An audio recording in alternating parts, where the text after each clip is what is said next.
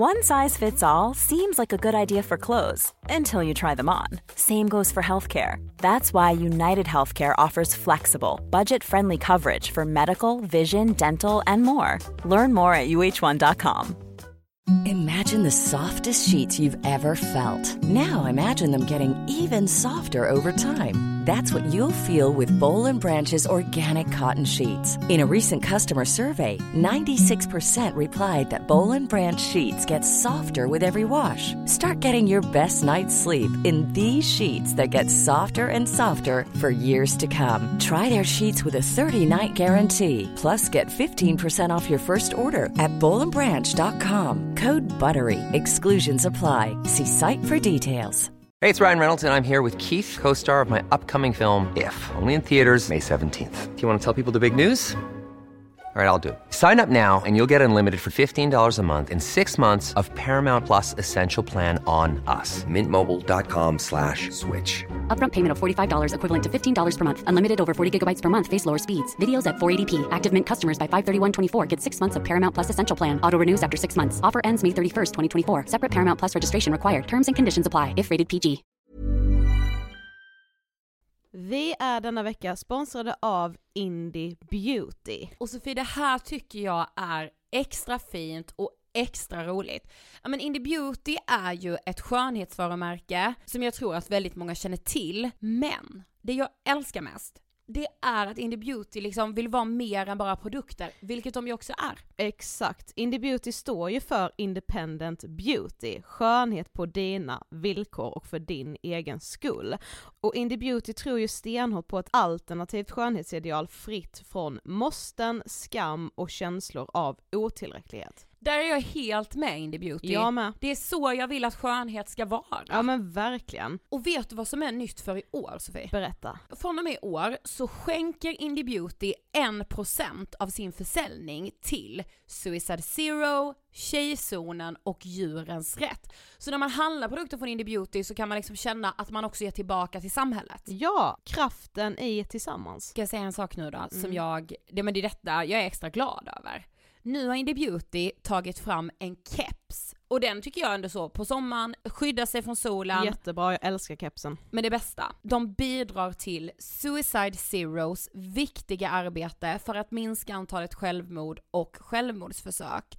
Så för varje såld keps så går hela vinsten, 100 kronor, direkt till Suicide Zero. Då kan man liksom göra nytta både för samhället och sin hud på en och samma gång. Ja, och kepsen kostar 169 men alltså hela vinsten går då som sagt till Suicide Zero. Mm. Så om man vill göra skillnad när man är där ute i solen, nu när den börjar titta fram, då ska man välja den här kepsen. Den säljs exklusivt på indiebeauty.se och på Apotea. Tillsammans kan vi skapa en ljusare framtid. Vi ses med kepsarna på! Tack Indie Beauty! Vi är sponsrade av Mindler och som ni säkert vet sedan tidigare så är vi ju ute på psykologresan tillsammans. Men hur vet man egentligen när det är dags att söka hjälp? Ibland uppstår saker i livet som kommer utmana oss och kännas tufft. Det mesta självläker vi oss igenom, för vi är menade att ta oss igenom en viss mängd påfrestningar. Men ibland behöver man professionell hjälp för att ta sig ur jobbiga perioder i livet. Men vart går då gränsen? Vad är en del av livets skavighet och när är det läge att söka hjälp? Det sägs till exempel att stress är farligt, men att också kan vara bra. Alla sover dåligt ibland, så när har man egentligen sömnproblem? Ångesten kommer väl krypande för de flesta någon gång. Så när ska man se ångesten som outhärdlig? Hur vet jag?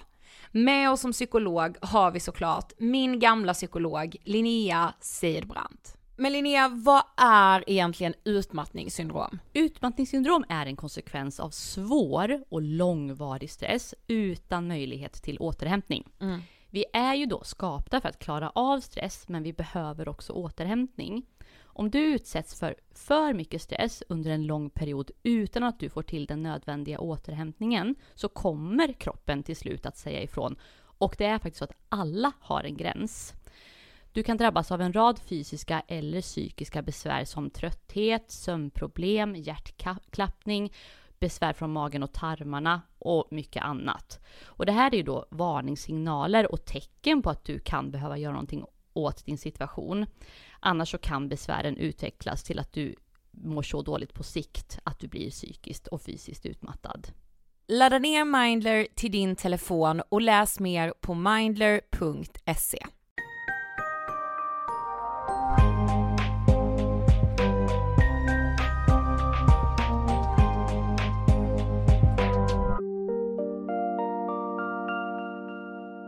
allihopa och välkomna till avsnitt 467 av Ångestpodden. Hej! Årets första riktiga avsnitt kan ja, man säga. årets första intervju. Ja, Och exakt. det här avsnittet känns ju, det var ju några veckor sedan vi spelade in det. Ja det var det, men vi sa ju redan då i intervjun väldigt energiskt att det här måste släppas som årets första avsnitt. Ja, i samråd med dagens gäst så kände vi att är det någon gång, alltså nej det här avsnittet hade passat när som helst Ja. men det passar extra bra nu så här i nyårstider när väldigt många ju brukar ha de här typiska nyårslöftena som gå ner i vikt, sluta äta socker, Börja träna börja extremt. liksom. Mm. Eh, ja men exakt. För idag har vi med oss My Westerdahl. Ja. Och vi har ju liksom haft koll på My väldigt länge, alltså vi har ju sneglat på henne eh, på Insta. Mm. Eh, och ja alltså det kän- hon är bara en sån ångestpodden-gäst. Mm, ja men verkligen. Och eh, My har ju också släppt en väldigt bra och viktig bok. Ja, och den heter Matfrihet. Bli fri från känsloätning och matångest med intuitivt ätande. Ja, och just intuitivt Ja. ätande har ju vi inte pratat om tidigare i. Nej, men däremot så är ju det väldigt stort i USA. Alltså jag får upp väldigt så, ja men jag vet inte, jag får upp mycket på TikTok, jag får upp mycket på Insta om just intuitivt ätande. Eh, men det känns inte som att det har varit lika liksom household i Sverige. Nej. Och det tyckte ju inte My heller, så hon döpte ju det till matfrihet. Mm. Ja men det är otroligt. Och jag skulle säga att det här är liksom, eh, ja men om man verkligen bara så behöver en stunds paus från att inte känna att man lever i matfrihet. Så Exakt. får man känna det under den här timmen. Ja, det får man verkligen. Och jag lärde mig också så sanslöst mycket under den här intervjun och jag blev också bara, alltså tyvärr, men jag blev ju så jävla less på liksom hur fan det ser ut och hur vi har normaliserat så extrema beteenden vad gäller mat och träning. Mm. Ja men också nu att så här, alltså nu är vi liksom nere och pratar liksom på så sjuka nivåer när vi typ kollar, alltså så när man ser vissa hälsoprofiler Ja, säger jag ja. nu med citationstecken för jag tycker inte de är hälsosamma någonstans. Nej. Men de som profilerar sig som Mm. hälsoprofiler och som blir kända för det och som poddar om det och som får vara ute och föreläsa om det. Mm. De pratar om så liksom, åh det är liksom sötningsämnen hit och dit och det är typ så, i detta Ja, e-ämnet men- ska man, man bara, men vi, vi, alltså vi människor, kroppen kommer inte göra någon större skillnad på ditt och datt. Kroppen vet inte. Nej, exakt. Den Alltså, vet vad som är energi. Ja, precis. Och det behöver vi. Ja. ja. Nej men alltså My for president. ja, verkligen. Vi rullar intervjun med My Westerdahl. Varsågoda! Hej My och varmt välkommen till Ångestpodden! Hej och tack så mycket! Jättekul att ha dig här. Alltså så kul att vara här i Stockholm med er! Ja, vi I var ju- snöstorm. Ja, vi var ju oroliga att tåget skulle strula, om jag säger så. Ja, alltså man, man bokar alltid en dag och man har ju ingen aning om hur det ska gå. Och så kollade jag ut morse och bara fuck. Men du är här. Ja, Och så på tid också, ibland Ja. så sker mirakel. Ja, idag var fan en sån. Men du ska få berätta, vem är du? Ja, jag är en 34-årig tvillingmamma, jag har Bo och Rut, de är två år gamla och i grunden är jag civilingenjör vilket är ganska passande. Det är otroligt. Ja men det är så sjukt för jag har också läst på eh, Blekinge Tekniska Högskola och ni jobbar ju med dem så Ja. det är skitkul! Alltså det, säcken knyts ihop. Ja, precis. Och eh, nej, men jag brinner också för det här liksom att få ut teknik till kvinnor, vi behöver vara fler i branschen för vi är fasiken inte många. Nej. Mm. Så att det är kul, men det är ju inte därför jag är här för jag har ju skrivit en bok också. Ja. Så att idag jobbar jag med att hjälpa känsloätare, sockerberoende, hetsätare till en balanserad relation med mat och eh, ja, till en bättre kroppsbild och ett friare liv. Det är det jag gör nu för tiden. Mm. Ja. Och det är det vi också ska prata om idag. Även Ja. om det varit, hade varit intressant att prata kvinnor och teknik eh, Men vad tänker du på när du hör ordet ångest? Det jag tänker på det är den här jobbiga känslan som är väldigt fysisk. Många tänker ju att ångest bara liksom sitter i huvudet och att det är någonting svaga människor Ja, utsätts för typ. Ja. Men det är ju så högst fysiskt och det sätter sig i kroppen. Ehm, så det är väl det som jag tänker på närmast. Ja, exakt. Jo men som sagt, alltså idag vill vi liksom prata bantning, dietkultur, smalhetsnorm, alltså mm, allt sånt. Men vi tänker ändå att vi liksom vill börja, alltså med din historia och kanske backa liksom till när du var barn. V- vem var du som barn? Hur skulle du beskriva dig själv som barn? Ja, alltså jag hade ju en ganska jobbig uppväxt så sett. Jag föddes tjock, alltså ett barn kan ju inte föda, födas tjock så sett men ett stort barn var jag och sen så gick min liksom, viktkurva spik uppåt. Ja. Och då satte vården mig på en diet, eller diet, det var liksom en portionskontroll från jag var fyra år gammal. Och där började egentligen allting. Så att eh, när mina bröder fick äta sig mätta och ta om så fick jag väldigt begränsat med mat. Och under hela livet då, liksom hela min barndom var ju väldigt mycket gå till doktorn, väga sig, mäta sig, skriva matdagbok.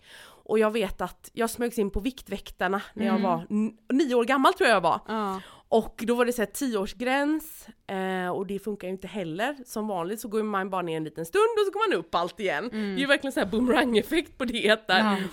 Och eh, när jag var 11 så började min första pulverdiet och så liksom ramlade det på egentligen. Och jag blev väldigt mobbad också eftersom jag var tjock så att jag blev ju så mobbad faktiskt att i nian så gick det till rättegång och det här är ju väldigt ovanligt egentligen. Ja. Ja, det, men det gjorde ändå det. Ja, Ja. så det var Vadå, vad hade hänt då?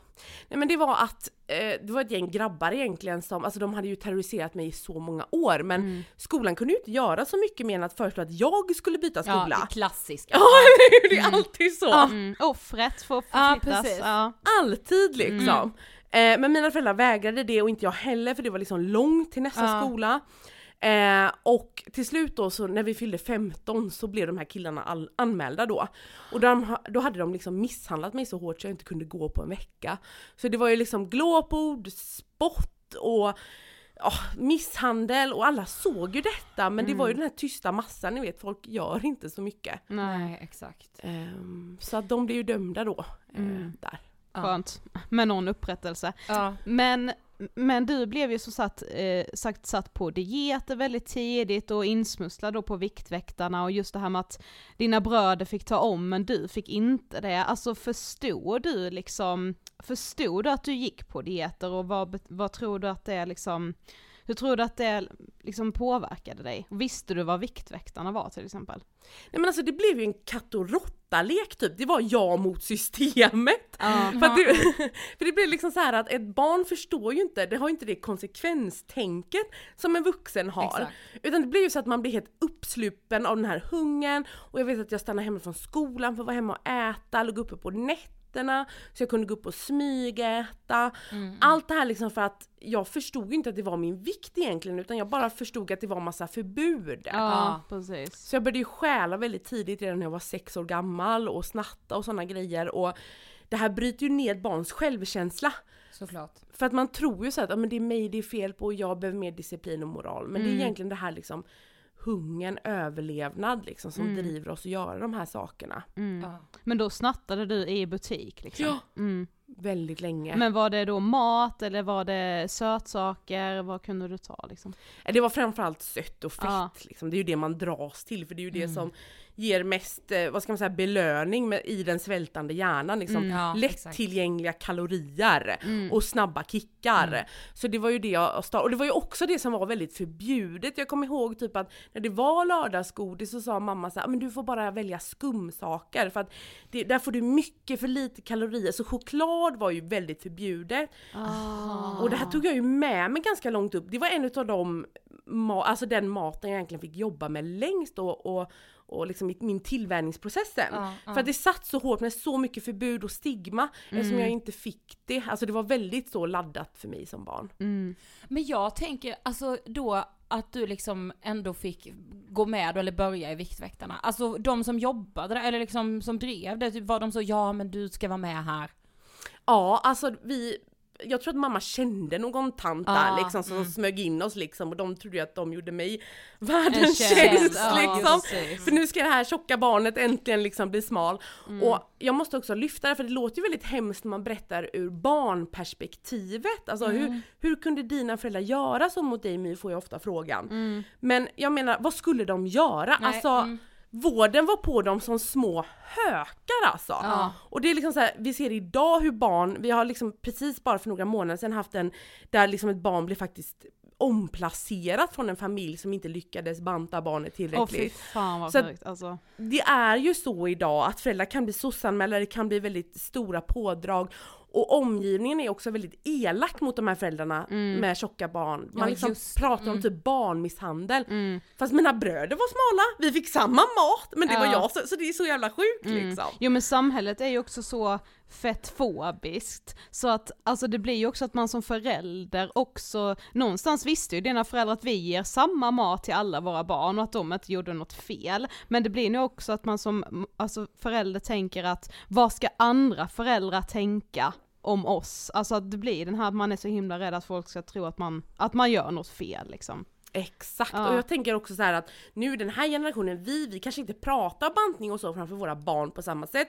men våra mammor, och herre jävlar vad de har bantat liksom! Ja, alltså den liksom föräldragenerationen, ja ja alltså det var ju, alltså det har man ju liksom vuxit upp med jag, jag har ju faktiskt inte vuxit upp med att min mamma har bantat och det är ju typ nästan konstigt. Ja, det vet jag att det har jag ingen av våra mammor har Nej. bantat när vi har vuxit upp. Nej, men det Men- är ju ovanligt. Men man har ju liksom alltid haft lärare eller liksom så släkt eller kompisars föräldrar där det har varit, alltså jag, kunde, jag vet till och med att så, varför bantar inte mamma? Att jag nästan tyckte så, ska hon inte göra det? Sen, så här, inte, för att jag, inte för att hon behövde det eller att jag ty- tyckte så men att det var ju så jävla normalt. Det var ju det kvinnor i liksom 35 plus gjorde. Ja. Ja, Sen Ja. är ju inte bantning mindre normalt idag, men man kallar ju det andra saker, men det kommer vi komma in på det.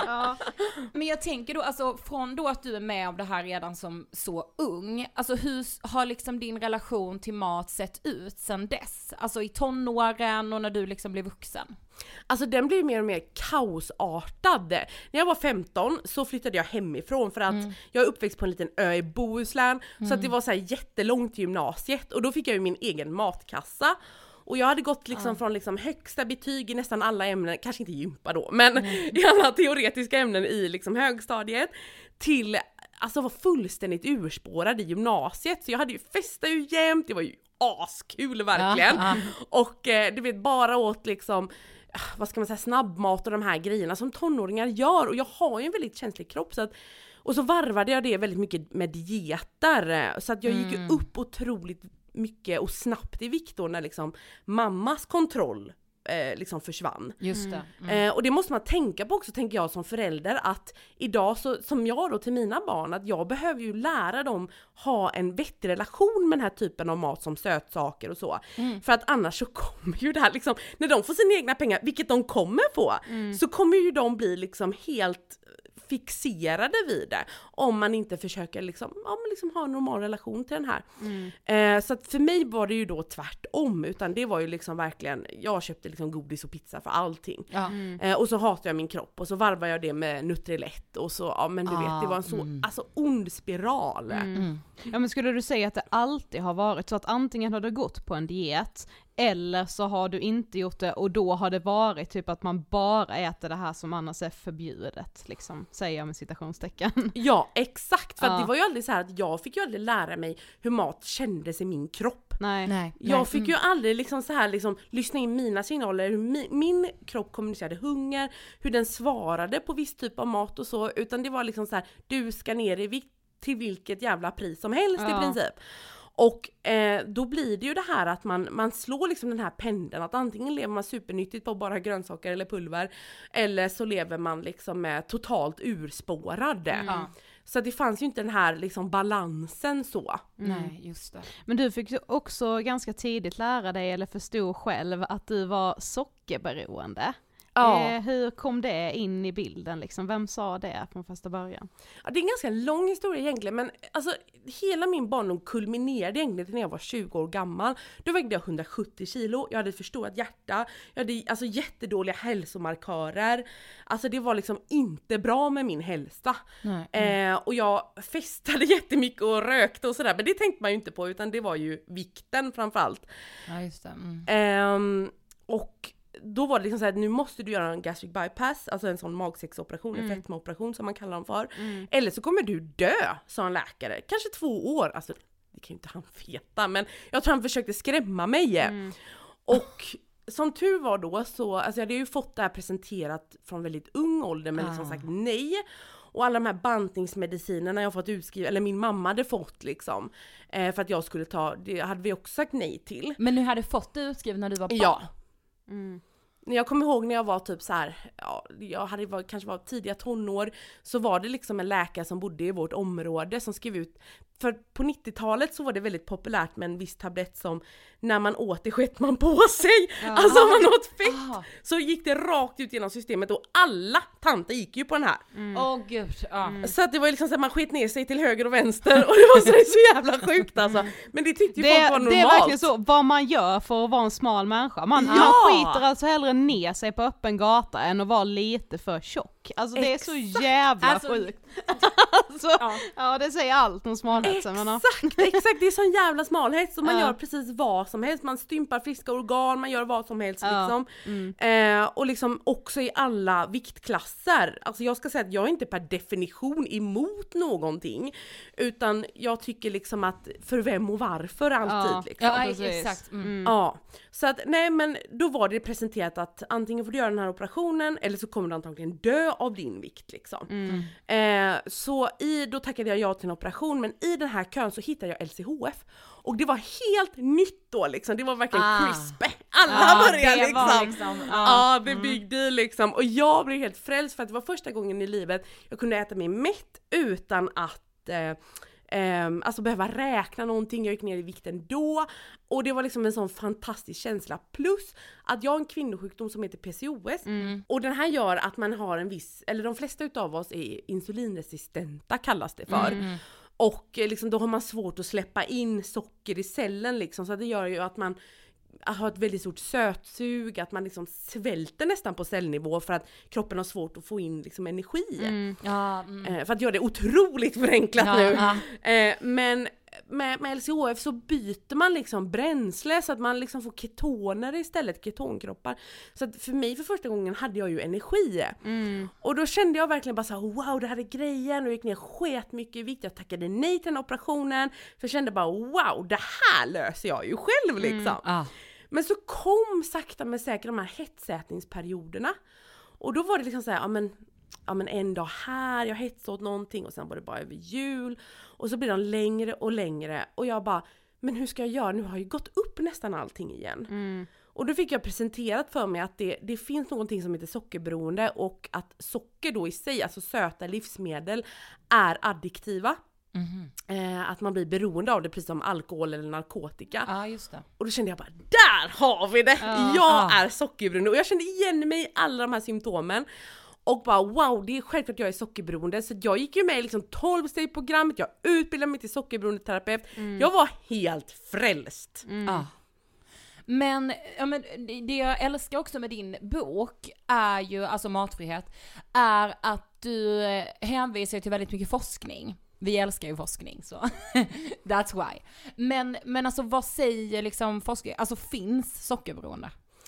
Alltså det här är också lite, alltså i min bok så finns det ett lite längre och vettigare resonemang liksom än vad jag bara kan liksom tala om här i podden. Men eh, alltså generellt, ja alltså det är väl mer som ett tvåkomponentslim. Alltså när, alltså man kan ju tänka på ehm, till exempel sex och närhet och krama sina barn. Det får man ju också liksom dopaminduschar av i hjärnan. ja.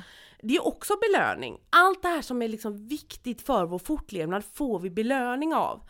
Och i en svältande hjärna, för att Alltså kroppen förstår inte att den går på diet, den tror att den svälter liksom. att det inte finns Alltså tillräckligt mycket med kroppen mat. vet ju inte vad LCHF är liksom. Exakt, Nej. exakt! Så att då, alltså trimma den ditt belöningssystem så att det blir superkänsligt och speciellt då för mat som är eh, alltså väldigt alltså lättillgänglig energi och mycket energi, alltså som socker och fett, så man får ju ännu mer belöning av det.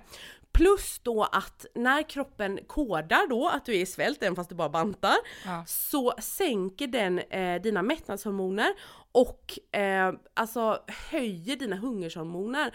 Och liksom den här kombon då med den här primade hjärnan, eller vad man säger, tillsammans med att liksom dina mättnad och hungershormoner är ur spel, ger den här känslan av ett beroende. Och det gör ju inte, alltså det förringar ju inte upplevelsen för när man är där så tror man ju verkligen det. Ja, just det. Liksom för man beter ju sig som en knarkare, man stjäl, man äter ur soptunnan, Mm. man ställer in saker, man sjukskriver sig från jobbet så att man har ju de här beteendemönstren. Mm. Men skillnaden från liksom alkohol och andra droger det är ju så här att bara för att du tar bort det så blir det inte bättre utan tvärtom, du blir mer och mer fixerad vid det liksom. Mm, Ja, exakt.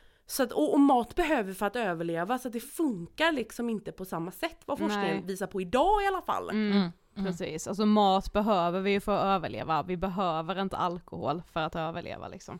Exakt. Men när gick det upp för dig då att, alltså att det kanske inte var just sockerberoendet per se som var problemet? Alltså när fattade du att så alla får återfall, även jag, det blir bara värre och värre ju mer fokuserade vi är på det här beroendet? Alltså det är egentligen, jag började titta mig omkring och då hade jag liksom eh, gått ner i vikt, jag har gjort en enorm viktresa på nästan 100 kilo Ja. och liksom hållit min vikt jävligt länge. Alltså det var, det var ju liksom en, en, en fight varje dag, men jag höll min vikt länge, vilket är ovanligt. Ehm, men jag såg liksom runt omkring mig att liksom folk ja, men ramlade bort och det var inte många som lyckades vara sockerfria mer än liksom ett par månader egentligen. Kanske nå upp till något år. Och för mig var det liksom så här, det var aldrig enkelt utan det var liksom en fight varje dag. Jag satt så här och räknade ner klockan, att snart är klockan 11.30, då får jag äta. Ja, för jag så. periodiskt fastade. Och liksom hela mitt liv gick liksom ut på när, var och hur mycket jag fick äta. Ja, ja. Och jag bara kände bara, fan ska det vara så här? ja, exakt. Ingenting av det är naturligt liksom. Nej! Nej. Det är så sjukt! Och det var liksom det som, som krävdes av mig för att liksom bara dra en storlek 36-38. Ja. Och det var så, alltså jag kunde inte njuta av livet, jag Nej. menstruerade inte, jag fick svimattacker, jag slutade menstruera, alltså det var, Ja. det var liksom bara kaos, alltså mitt Ja. liv var ohanterligt och jag var fruktansvärt stressad, jag vaknade så här fem på morgnarna av eh, liksom stresshormonen som drog, drog igång. Ja.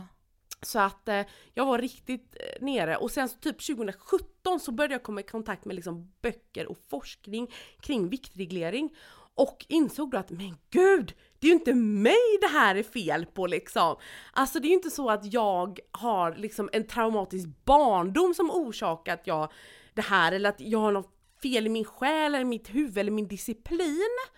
Utan kroppen kommer liksom ihåg min högsta vikt, precis som den kommer ihåg hur lång jag är eller Ja. liksom om jag skulle liksom skära mig på armen till exempel så skulle det inte växa ut en ny arm. Nej. Utan då skulle det liksom så här lagas eller om jag, när jag ger blod så återställs ju liksom den mängden. Ja. Det är inte så att jag får precis. fem liter till. Nej, nej, nej. nej. Och precis samma sak med liksom fett på kroppen. Alltså kroppen kommer liksom ihåg din högsta vikt och gör fan allt i sin makt för att du ska nå upp dit igen. Mm. Exakt. Och det här pratar ingen om utan Nej. alla bara ah, men nu tar vi nya tag och jag vet att det är disciplin och motivation men det handlar inte alls om det. Det är biologi det här och det är liksom långt utanför vår kontroll. Ja, exakt. Någonting som många liksom har skrivit till oss om under liksom åren med Ångestpodden är just alltså vården för tjocka och hur liksom Ja men hur det bara liksom riktas mot ett enda sak och det är vikten och det är kilon liksom. Vad, vad tänker du kring det, kring vården? Men alltså det är ju väldigt lat vård så sett liksom. Att man är, alltså man får ju också tänka på en läkare, de kanske träffar liksom 15-20 personer på en och samma dag och då tittar man på det uppenbara och så adresserar man det. Eh, men grejen är så att, och liksom, det är också väldigt viktigt för vården att den är evidensbaserad. Där har man väldigt höga krav. Och den forskningen man baserar vården på idag, det är ju forskning som man gjorde för 10-15 år sedan. Och för 10-15 år sedan fanns inte den här medvetenheten som finns idag. Utan då klumpade man ihop alla tjocka i en stor grupp liksom. Ja. Och så liksom forskar man på det. Inte så här liksom, det hade varit väldigt spännande att se forskning som är lite mer diversifierad typ. Om man har en person som föddes tjock, samma riskfaktorer som den som blev tjockare senare i livet Ja, på grund av medicin. Alltså det finns ju tusen olika anledningar varför man är tjock liksom. Och ibland är man tjock också för en sjukdom som jag Ja. till exempel med PCOS. Den gör ju mig tjock. Mm. Eh, och ehm, eh, då behöver man ju liksom adressera det också. Så att det blir ju väldigt, vi är väldigt, alltså inne, alltså det blir väldigt fel på något sätt när man bara bemöter det här istället för att fråga hur sover du, hur äter du, hur tränar du, hur är din stressnivå? För där kan vi förbättra folkhälsan på riktigt. Exakt. Att människor uppmuntras att, vet du vad? Du kan faktiskt få en mycket bättre hälsa utan att gå ner ett jävla gram. Bara att liksom du börjar ta den här lilla promenaden, lägga till de här morötterna. Och det har man ju sett i forskning på forskning att du behöver inte gå ner i vikt för att få en bättre hälsa. Du kan göra fler saker än så. Exakt. För det är inte bara jag som lever på den här pendeln liksom, antingen eller, utan man tänker så att antingen så tränar jag och tar hand om mig eller så är det liksom så fest och eh, pizza och alltihopa. Istället för att liksom hjälpa människor att hitta den här balansen, att hur kan du implementera vettiga vanor i ditt liv som faktiskt förbättrar dina hälsomarkörer och som är enkelt för dig att upprätthålla. Ja, precis. Ja. Du vet jag med att du har med som exempel i boken just att så här, om, man- om man ser en tjock person träna så utgår alla, kanske även den tjocka personen eftersom det är det man har lärt sig, att då är man där och tränar för att gå ner i vikt. Men om en smal person är och tränar så är den där för att må bra. Det är aldrig liksom tvärtom. Nej! Vilket med, ja det säger så Det mycket säger bara. så jävla mycket. Men vad har du själv för erfarenhet av vården? Ja men alltså den är ju katastrof alltså! Det är ju verkligen så här. jag blir ju nästan liksom glad när jag går till vården och så nämner de det inte liksom. Men ehm, alltså jag tänker så här, alltså det börjar egentligen, eller det börjar, men jag och min man fick ju problem när vi ville skaffa barn, liksom, då var jag typ runt 26 när vi började.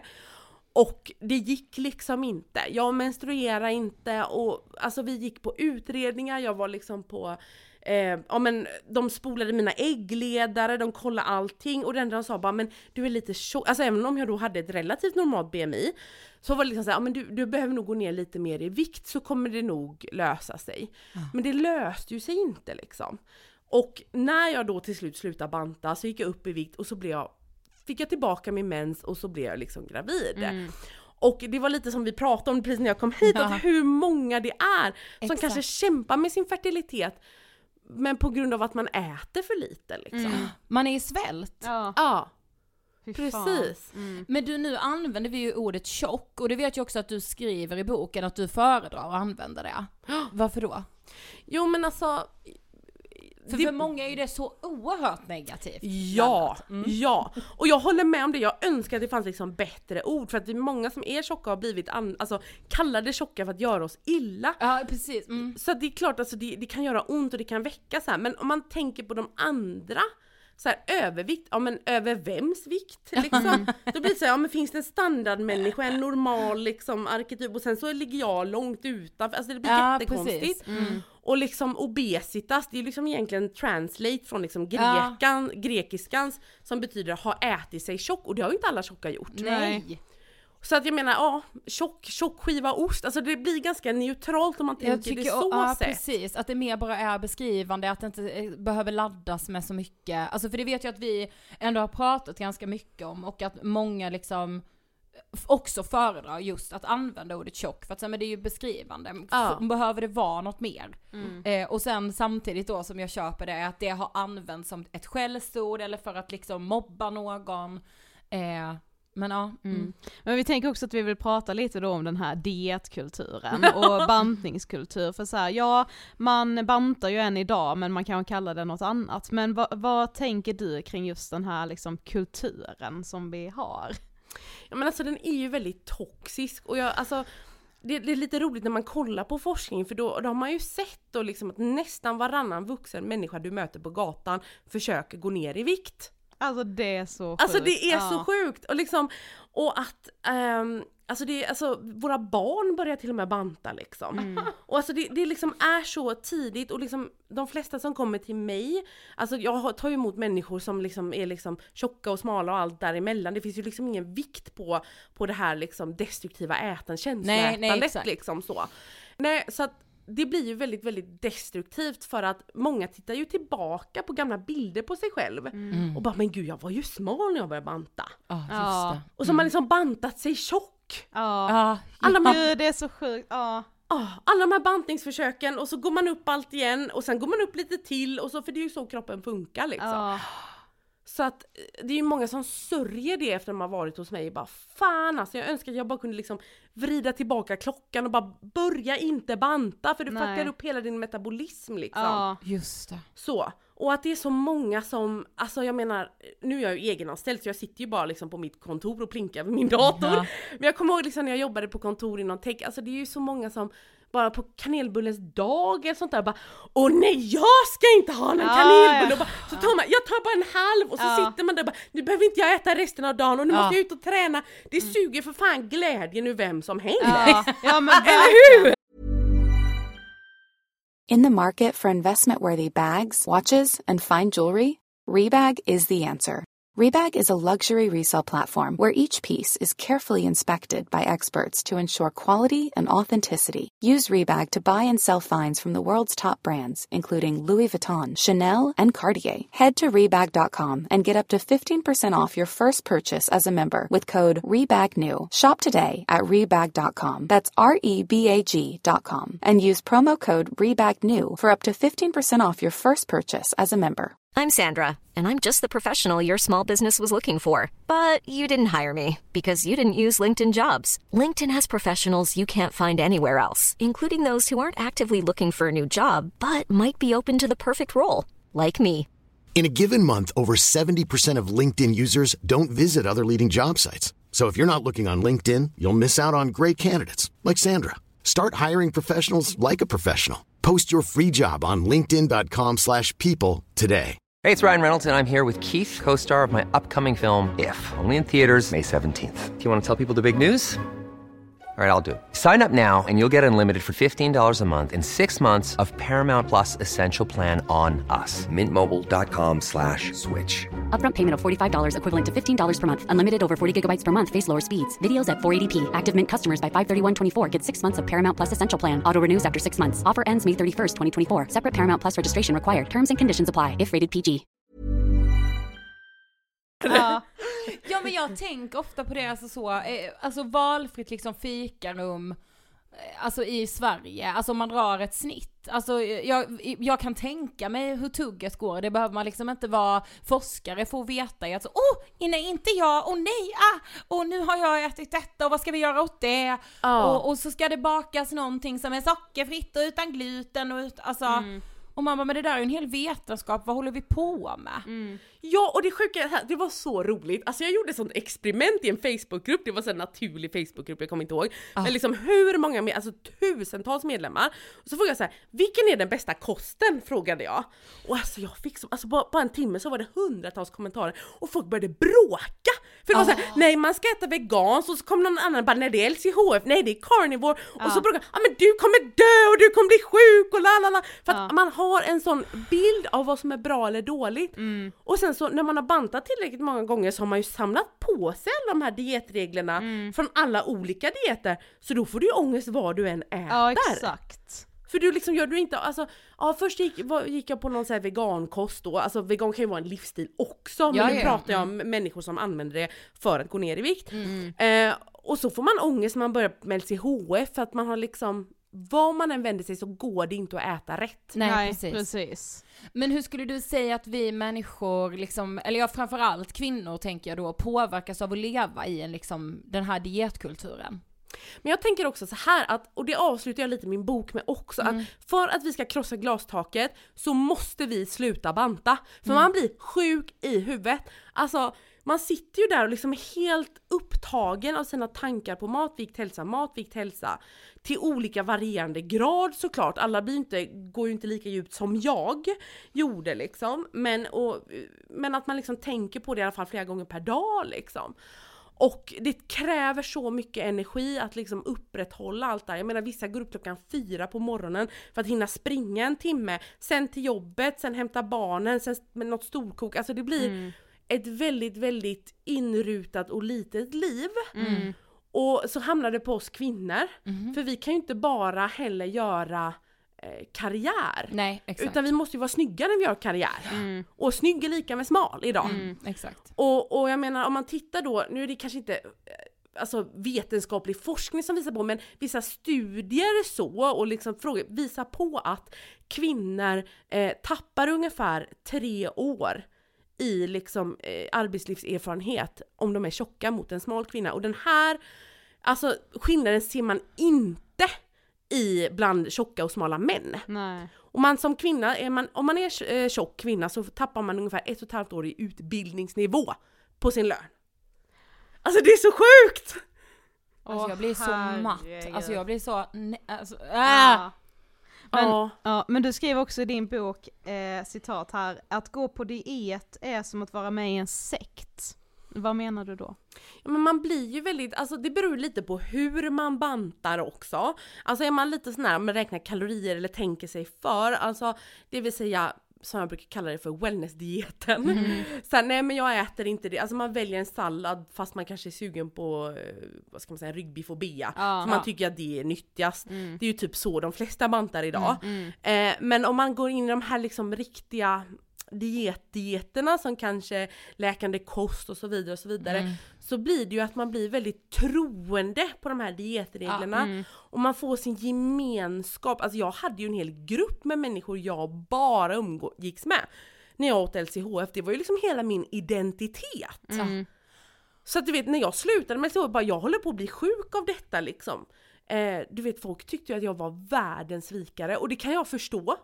Men man kan också se det, jag har liksom med mitt liv liksom lärt mig eh, alltså vissa saker och det kommer alltid finnas människor som tycker att man är en svikare. Men så kommer det finnas de människorna som tycker och ser att man växer. Ja, och det är de sista man ska hålla fast vid. Ja.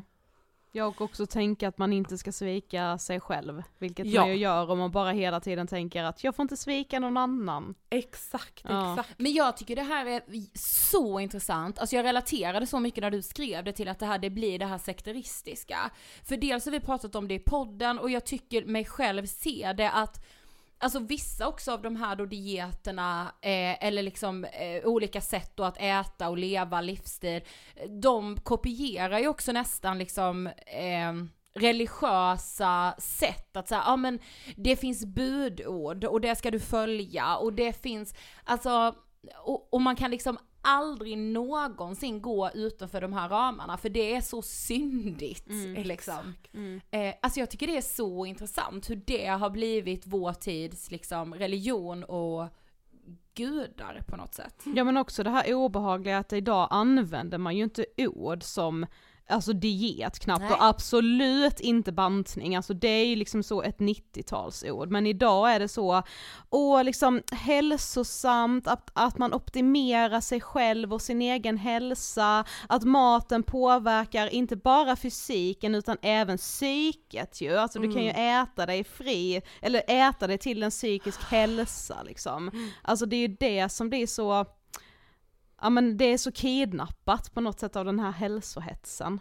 Ja och det kan man ju se liksom människor som blir riktigt jäkla sjuka i väldigt svåra sjukdomar som cancer. Många utav dem blir väldigt skuldbelagda. Folk frågar men hur levde du egentligen? Ja. Exakt. Så, och så ofta så om man liksom ser på sociala medier människor som blir sjuka så säger de ju ofta att jag tränade, jag åt bra och alltihopa. Ja, Man, man känner sån skuld och det är ju det dietkulturen har gjort att blir du sjuk så har du gjort någonting fel. Exakt. För att för, alltså, människor som lever bra, de blir inte sjuka. Nej. För det är ju det de lovar oss de här dieterna, alltså evigt liv, evigt ungdom, sjukdomsfrihet och så vidare och så vidare. Och så bara, fast människor blir ju sjuka ändå liksom. Ja!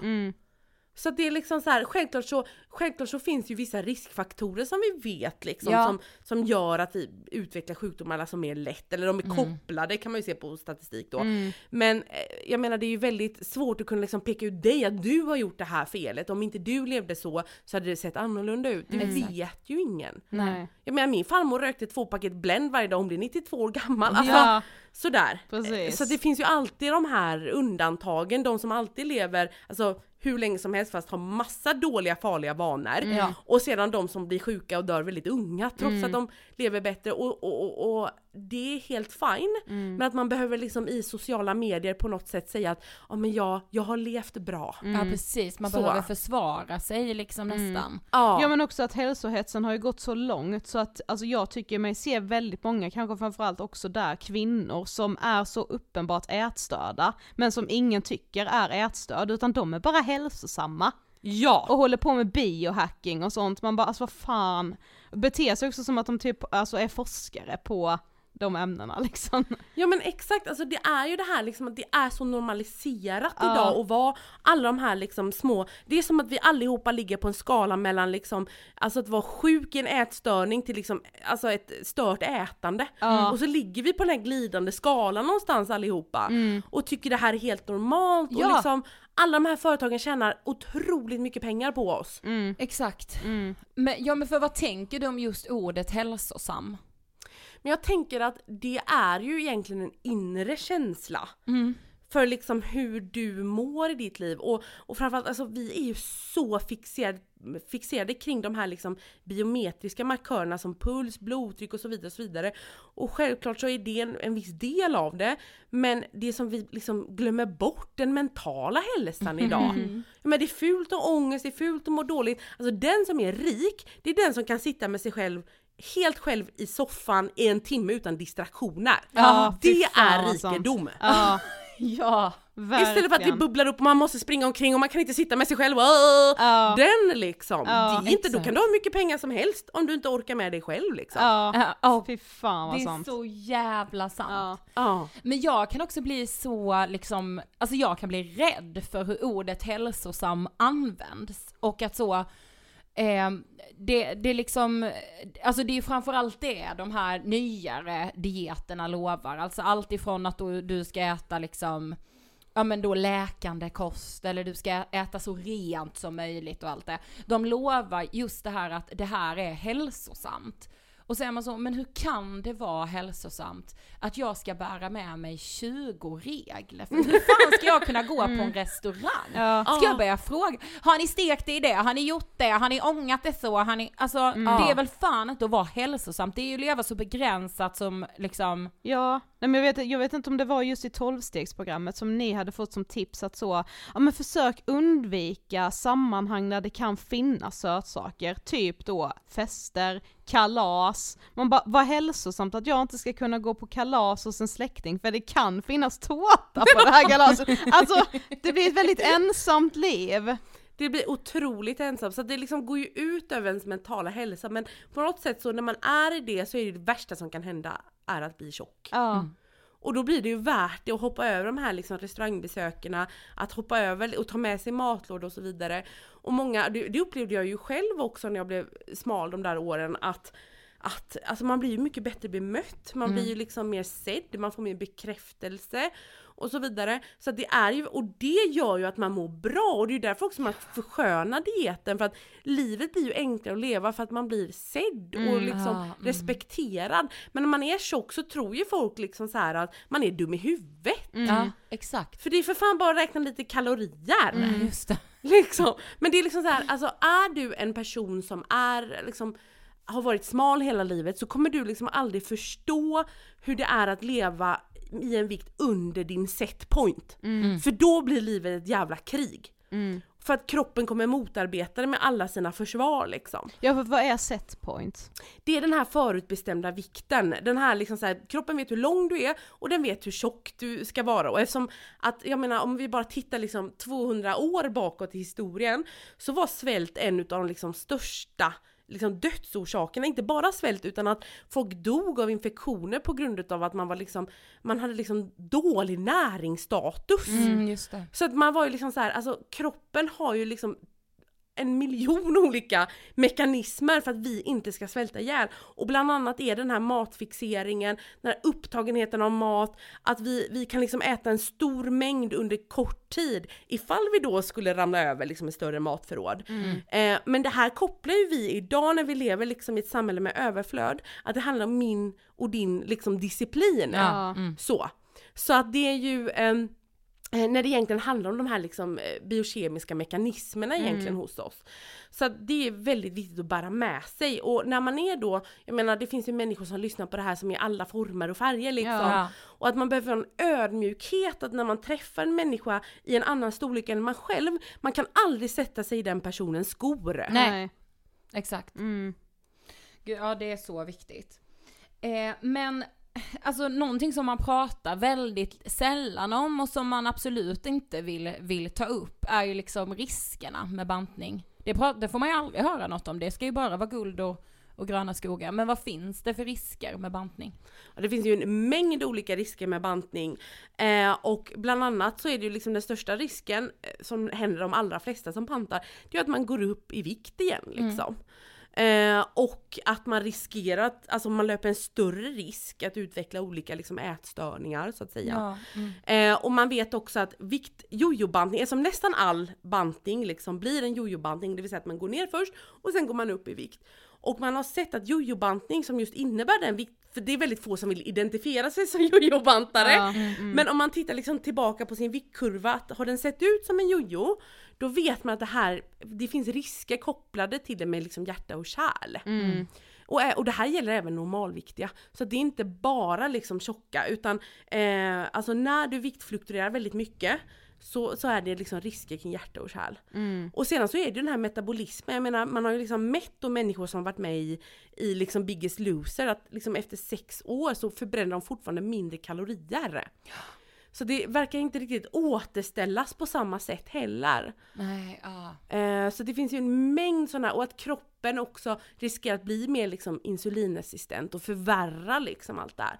Och det här är ju alltså väldigt tydliga kopplingar också till att vara tjock, för man tänker så här, om hjärt och kärlsjukdomar, diabetes, ja, men är det att de är tjocka? Eller är det faktiskt också att man har bantat jävligt mycket liksom? Ja, Mm, precis. Så man liksom inte riktigt urskilt vad är vad och det är jättesvårt när man experimenterar på människor för vi är så komplexa. Och det måste man bära med sig när man läser den här forskningen. ja exakt.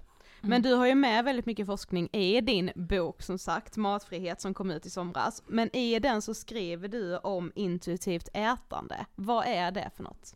Ja det är ju någonting jag önskar att jag fick lära mig när jag var fyra år istället för att liksom bli satt på den här jävla dieten liksom. Det handlar ju om att man svarar an på sin liksom mättnad och hunger och sug. För jag tror att alltså de flesta utav oss har liksom försökt, låt säga så att man har ett sötsug och så går man och äter ett päron. Men så liksom river det hela kroppen och man bara sitter "Åh", du vet så här. och så äter man ett päron till och sen så liksom, alltså man äter allting förutom den där glassen man faktiskt är sugen på Ja. liksom. Och det är sån skillnad på att vara mätt och att vara nöjd. Ja. Och att vara mätt, då är det liksom en fysisk känsla att du har fått tillräckligt med energi liksom. Att vara nöjd, då är även mattankarna borta. Så att intuitivt ätande och matfrihet, för jag har gjort liksom en, en skandinavisk version av intuitivt ätande. För när jag började med det så fanns det inte i Sverige, det fanns inga Nej. instagramkonton, ingenting. Och jag bara kände att jag blev så hjälpt av det, så jag behöver ju ta det här liksom till Sverige. Så jag gjorde, gjorde det, jag är ju ändå ingenjör, så jag trollade lite. Något har jag lärt mig på BTH! exakt, exakt! ja. Så man kan ju aldrig liksom lämna liksom sina klå, alltså, alltså jag är ju alltid lite klåfingrig och tänker alltid kan man förenkla det här på något sätt Ja. liksom? Och det tycker jag att jag kunde, så jag gjorde ju om alla de här liksom tio principerna som jag knappt vet själv, men som är väldigt hjälpsamma, till liksom en matfrihetspyramid då, där liksom det är fem steg man behöver ta, väldigt så ehm, vad ska man säga, pedagogiskt. Ja. Eh, och jag är också så att jag har ju alltid jobbat med utbildning. När jag jobbade som eh, chef så jobbade jag som chef inom utbildningsområdet. Så det är någonting jag brinner för, är det just utbildning. Så att jag håller ju utbildningar med det här någon gång per år liksom. Ja. Eh, så jag hjälper liksom studenter då att ta alla de här liksom fem stegen. Ehm, och det, liksom själva basen i pyramiden det handlar ju om att sluta banta. Ja. Och då tänker ju alla så här, men vadå jag bantar inte? Bara, jo fast alla de här små grejerna du gör, alltså alla de här liksom att men jag, hopp, alltså, jag hoppar över det för jag inte vill bli tjock eller jag tar det här träningspasset för jag åt så mycket igår. Ja. Alla de här grejerna behöver vi pausa, för det liksom driver hela liksom matkaoset och känsloätningen. Och sedan så liksom går man hela den här stegen men det är ju det viktigaste steget att ta och det är ofta det man behöver mest hjälp med också. Eh, och så då, när man är klar då så eh, har man ju då återställt alla sina mättnad och hungersignaler. Så att jag vet ju exakt när jag är hungrig, alltså, alltså jag behöver svara på tidiga mätt, alltså hungersignaler. För att vi brukar ju ofta liksom skjuta upp det. Man har fått Ja. lära sig typ ta ett glas vatten, borsta Ja. tänderna, ta en promenad. Ja. Så, fast egentligen ska man ju äta, för det är ju det bästa man kan göra när man är hungrig. Exakt. Eh, och många kommer ju med rädslan så att men jag kommer ju aldrig sluta äta. Det är ju så, och jag förstår det. Och ibland så behöver man låta pendeln svinga. Liksom. Att, att gå liksom hela vägen för att slå runt och för att hitta balans på mitten sen. För att det är så att när man ger sig själv ovillkorlig, alltså ovillkorlig tillåtelse att äta, då kommer liksom maten tappa kraften över en. Man kommer bli som exakt alla andra. Jag menar, folk, alltså, folk tänker ju såhär bara men åh jag kan inte gå på kalas, jag kommer äta ihjäl mig eller jag kan inte låta bli där. Och så helt plötsligt står man bara, hittar ett paket kakor som har blivit för gammalt som man går och slänger liksom. Och det är en utopi för många idag. Eh, för att man liksom länsar skafferiet och så. Men eh, när man liksom jobbar med sin kropp och genomgår den här processen, då är man ju fri sen. Och det bästa med matfrihet, det är att man gör det en gång, sen är man klar. Ja. Det finns inte det här återkommandet att nu börjar med matfrihet igen på fredag. Nej. Eller så här, utan du gör det en gång. För det handlar om en omlärningsprocess och när allt det har klickat i huvudet liksom och du har genomsyrat hela bantningskulturen så kommer ingen kunna lura på dig en jävla diet igen. Och då är du fri! Ja. Och det är fantastiskt liksom, för det finns ingenting mer frustrerande att när du jobbar med människor att liksom hela tiden få det här liksom återkommande igen och att de känner sig misslyckade. Och istället så gör man det här en gång och så är man liksom klar sen. ja, precis. Så. Och så har man en normal relation med mat och kan vara som vem som helst och jobba med det man älskar. Och, för det är ju så att vi har ju bara ett visst, visst andel energi. Ja. Och ska vi lägga hela vår viljestyrka och all vår kraft på att liksom förtrycka vår vikt, då kommer någonting annat i livet svikta. Ja. Ja. Som karriär eller familj eller relationer. Men helt plötsligt får du tillbaka hela din kraft liksom. Men jag älskar när du skrev det också i, i boken just att så här, tänk all den tid man har lagt på att tänka på vikten, att planera någon diet, att också genomföra den. Alltså tänk hur mycket annat man hade kunnat göra. Gud ja! Och vi kvinnor liksom, Ja! vi hade ju störtat patriarkatet Ja! för länge sedan! Eller hur? De hade ju inte haft en chans mot vår kvinnliga list. Det är säkert därför de targetar oss också liksom. Eller hur? Ja!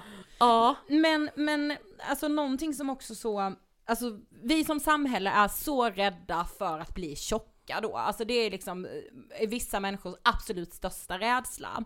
Och du skriver också om alltså internaliserad fettfobi. Vad är det för någonting? Ja, men det är ju det här liksom att man tror att man är fel, tjock och sjuk liksom. Att man verkligen tror det för att alla har sagt till er en det. Alltså men det trodde jag ju också. Jag trodde ju liksom att jag var sjuk på grund av att jag var tjock, inte på grund av mina dåliga vanor. Utan jag satte ju mina dåliga vanor är lika med att jag är tjock liksom. Ja, precis. Och liksom, för det är ju många använder ju det som en synonym. Men det är självklart, alltså, ligg, alltså rör man sig inte, bara äter pommes frites, alltså nu drar jag Ja. verkligen till extremen, stressar ihjäl sig och bara liksom går på kaffe. Det är klart man kommer inte må toppen Nej. av Nej. det liksom. Nej. Alltså det gör ju ingen. Nej. Men det är inte, du kan inte sätta ett lika med tecken på att vara tjock på det. För att alla tror ju det om man ser en tjock person att jag menar, gå bara och träna eller bara Ja, äta grönsaker. Men jag själv liksom, jag har tränat i 12 år regelbundet. Jag älskar att träna, jag hänger jämt på gymmet liksom. Mm. Och liksom fått massa kompisar, det är skitkul verkligen. Ja. Så jag menar, det är ju inte min lösning. Nej. Och liksom, ehm, jag är också en frisk tjock person, det är ju aldrig någon garanti att man kommer vara frisk för alltid, det är ju Nej. inte för någon. Nej. Men liksom, man behöver också vara ödmjuk inför det att alla tjocka är inte sjuka. Nej, precis. Och liksom så, alltså lite tillbaka till det ni frågade i början, bara men hur är det att vara liksom i vården som tjock? Och jag menar, du behöver inte ens vara särskilt tjock för att bli behandlad som skit av vården. Nej.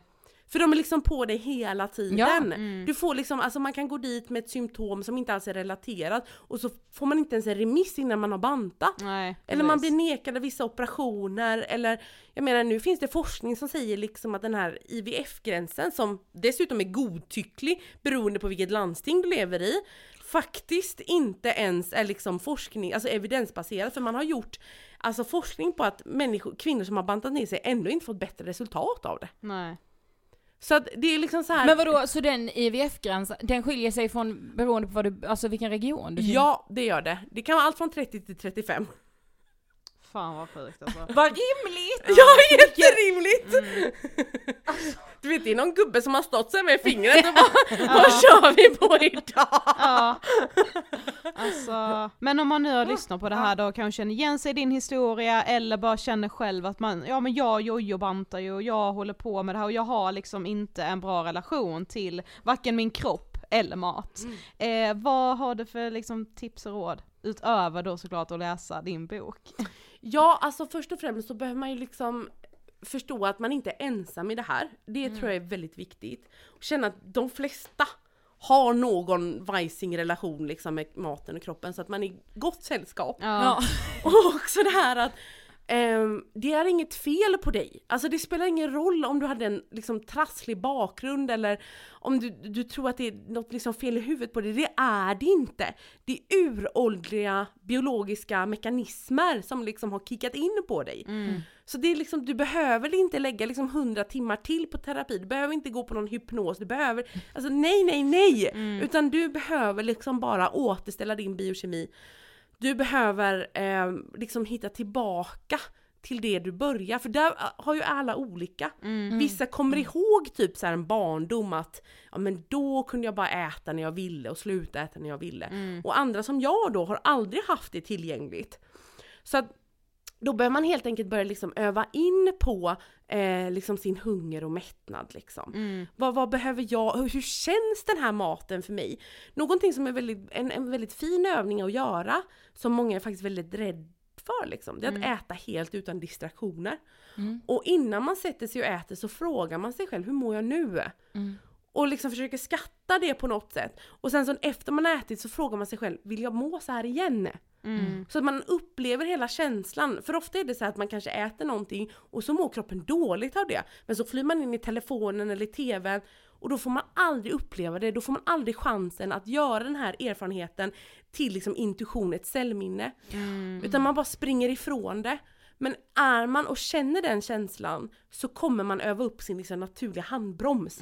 Så man väljer mat som faktiskt gör att man mår bra helt utan viljestyrka. Ja, och som gör att man både känner sig mätt och ja, nöjd. exakt! Ja. Så att man kan gå från matbordet och liksom släppa allt på mat och leva sitt liv Ja! tills man blir hungrig nästa gång och sen så Ja. äter man och sen fortsätter man leva sitt liv precis som alla andra behov som sömn, som går på toaletten, som andas, alltså Ja.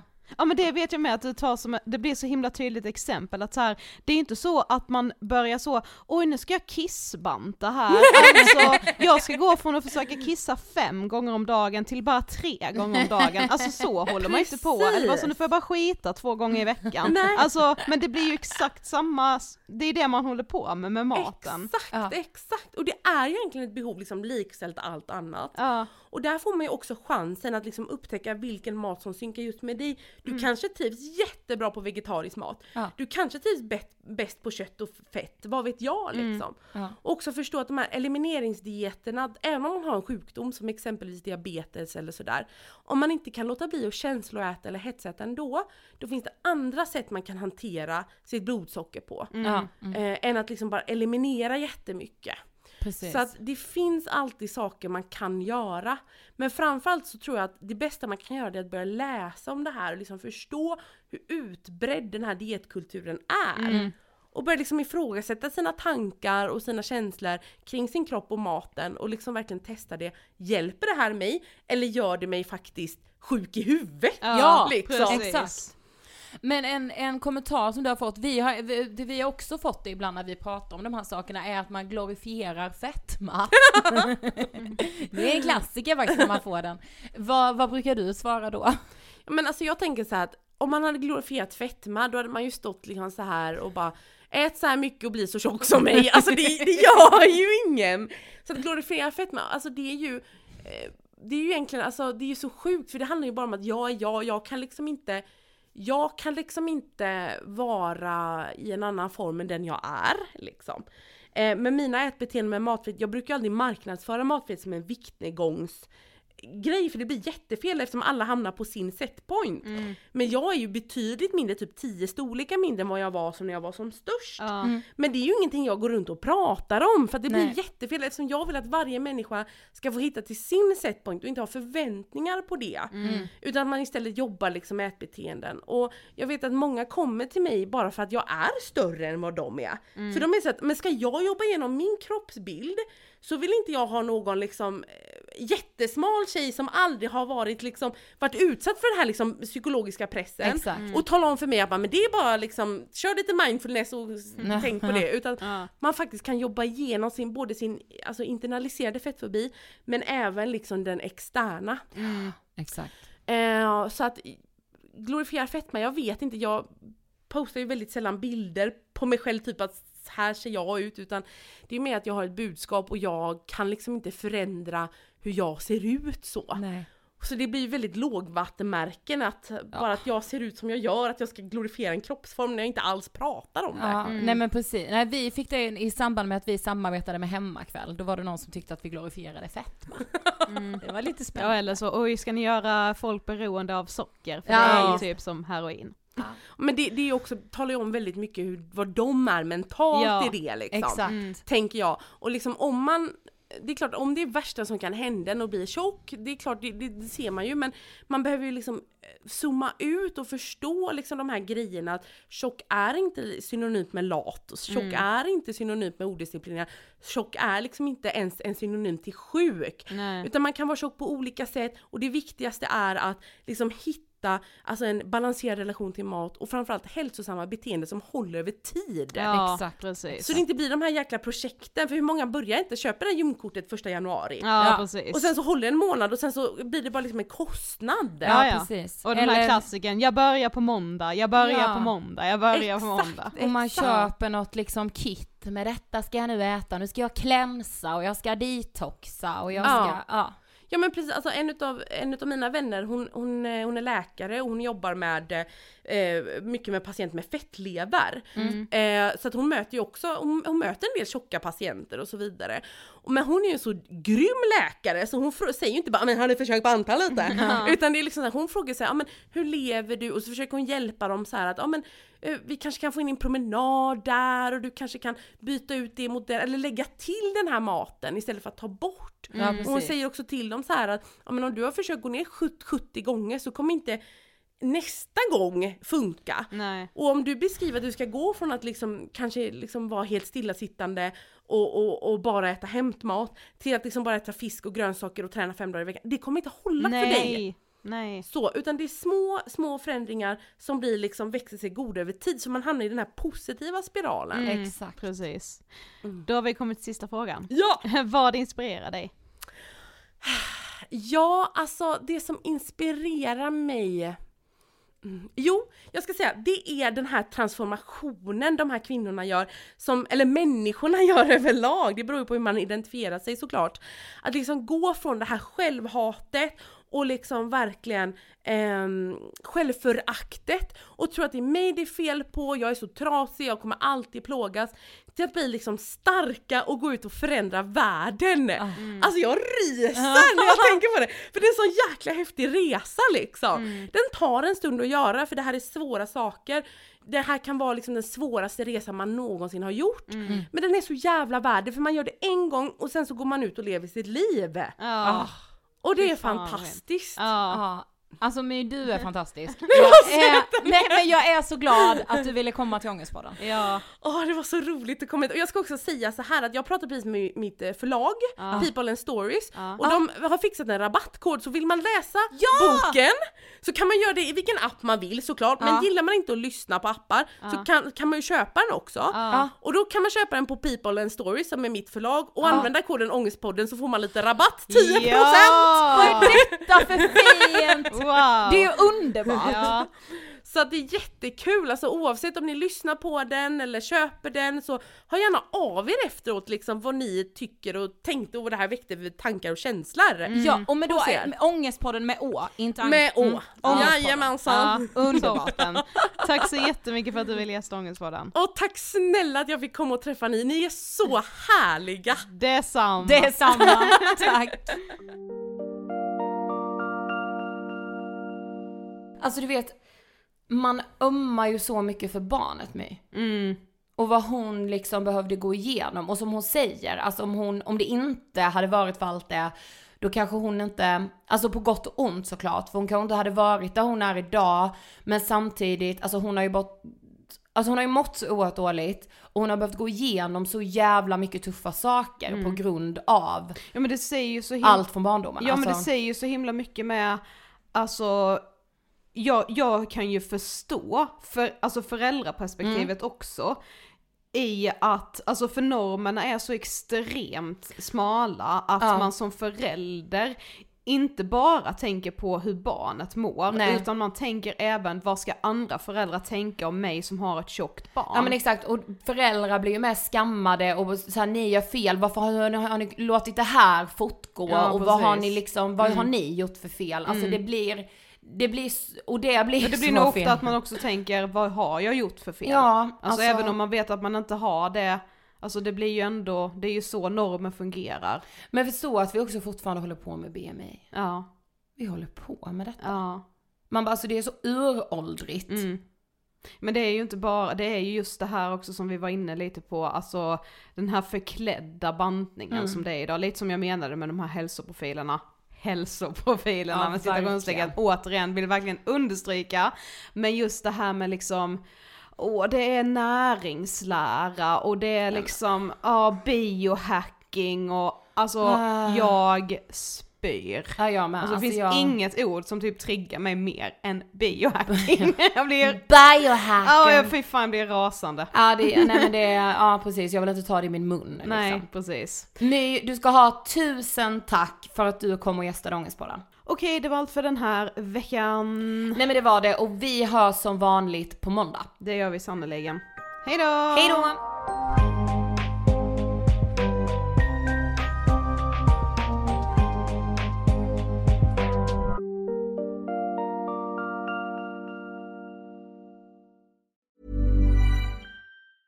Mom deserves the best, and there's no better place to shop for Mother's Day than Whole Foods Market. They're your destination for unbeatable savings, from premium gifts to show-stopping flowers and irresistible desserts. Start by saving 33% with Prime on all body care and candles. Then get a 15-stem bunch of tulips for just $9.99 each with Prime. Round out Mom's menu with festive rosé, irresistible berry chantilly cake, and more special treats. Come celebrate Mother's Day at Whole Foods Market. Planning for your next trip? Elevate your travel style with Quince. Quince has all the jet setting essentials you'll want for your next getaway, like European linen, premium luggage options, buttery soft Italian leather bags, and so much more. And it's all priced at 50 to 80% less than similar brands. Plus, Quince only works with factories that use safe and ethical manufacturing practices. Pack your bags with high-quality essentials you'll be wearing for vacations to come with Quince. Go to quince.com slash trip for free shipping and 365-day returns. Planning for your next trip? Elevate your travel style with Quince. Quince has all the jet setting essentials you'll want for your next getaway, like European linen, premium luggage options, buttery soft Italian leather bags, and so much more. And is all priced at 50 to 80% less than similar brands. Plus, Quince only works with factories that use safe and ethical manufacturing practices. Pack your bags with high-quality essentials you'll be wearing for vacations to come with Quince. Go to quince.com slash pack for free shipping and 365-day returns.